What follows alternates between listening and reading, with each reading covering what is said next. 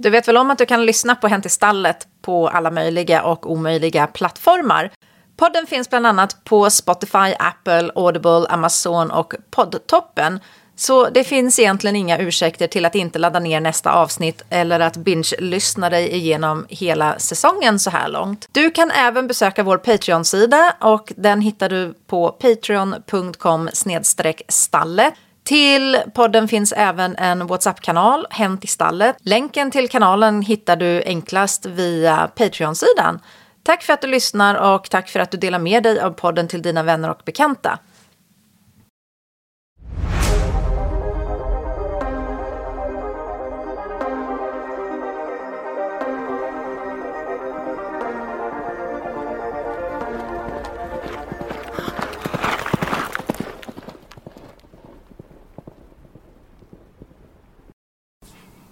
Den här veckan så vänds avelsblickarna till Den Boss i Holland.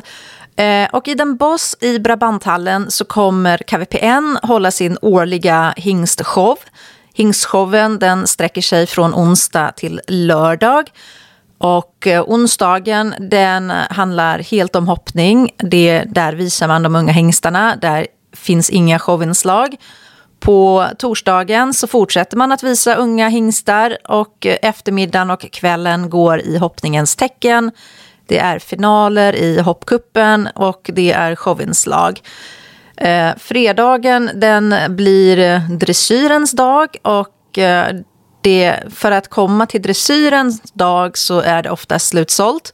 Det är otroligt tryck på biljetter för den här showen och det brukar bjudas på mycket fantastiska uppvisningar sent på kvällen efter att dressyrhingstarna har gjort sitt. På lördagen så är programmet vikt åt Taukparden och Schelderseparden. Och gemensamt för torsdag, fredag, lördag är att man i år kommer dela ut ett helt nytt pris. Och det är till årets avelsto. Jag tycker att det är en helt fantastisk utmärkelse, årets avelsto. Och eh, det blir ju då en i hoppning, en i dressyr, en i tauchparden och en i Schelderseparden. Och för de här eh, utmärkelserna så hoppas jag dock att man har någon form av väl uppsatta regler. För jag tänker, otvivelaktigt så går mina tankar till hingsten My Lord Cartago. Nu är han inte en KVPN, men han har på Horse Telex 45 syskon från mödernet. 45. 4, 5. Det är en helt osannolik massa av hästar som har kommit från My Lord Cartagos mamma och övriga möderne. Och jag hoppas att det här priset inte kommer, som KVPN nu har instiftat, där man ska räkna alla avkommor som har presterat och eh, undan ett specifikt sto. Men man inte kommer lägga så mycket fokus på om avkomman är registrerad i KVPN eller inte. Men jag hoppas verkligen att det här kommer premiera vilken uppfödare som helst i ett väldigt fair game.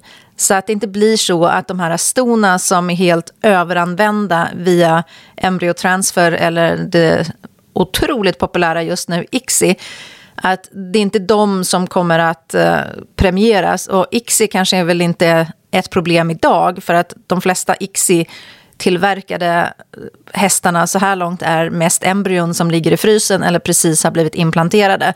Men några år från nu så kan det ju hända att det här blir en eh, fråga om vem som har råd att eh, föda upp flest avkommor till sitt sto. Och det hoppas jag verkligen inte att det blir.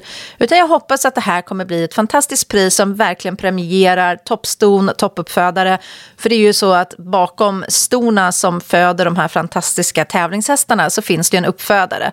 Och för en uppfödare så är det ju en otroligt fjäder i hatten att få eh, bemärkelsen, utmärkelsen att man har årets avelsto. Så fortsättning följer på det här. Första priset kommer delas ut torsdag eh, efter lunch. Och eh, ja, det kommer bli en spännande vecka. Så stay tuned.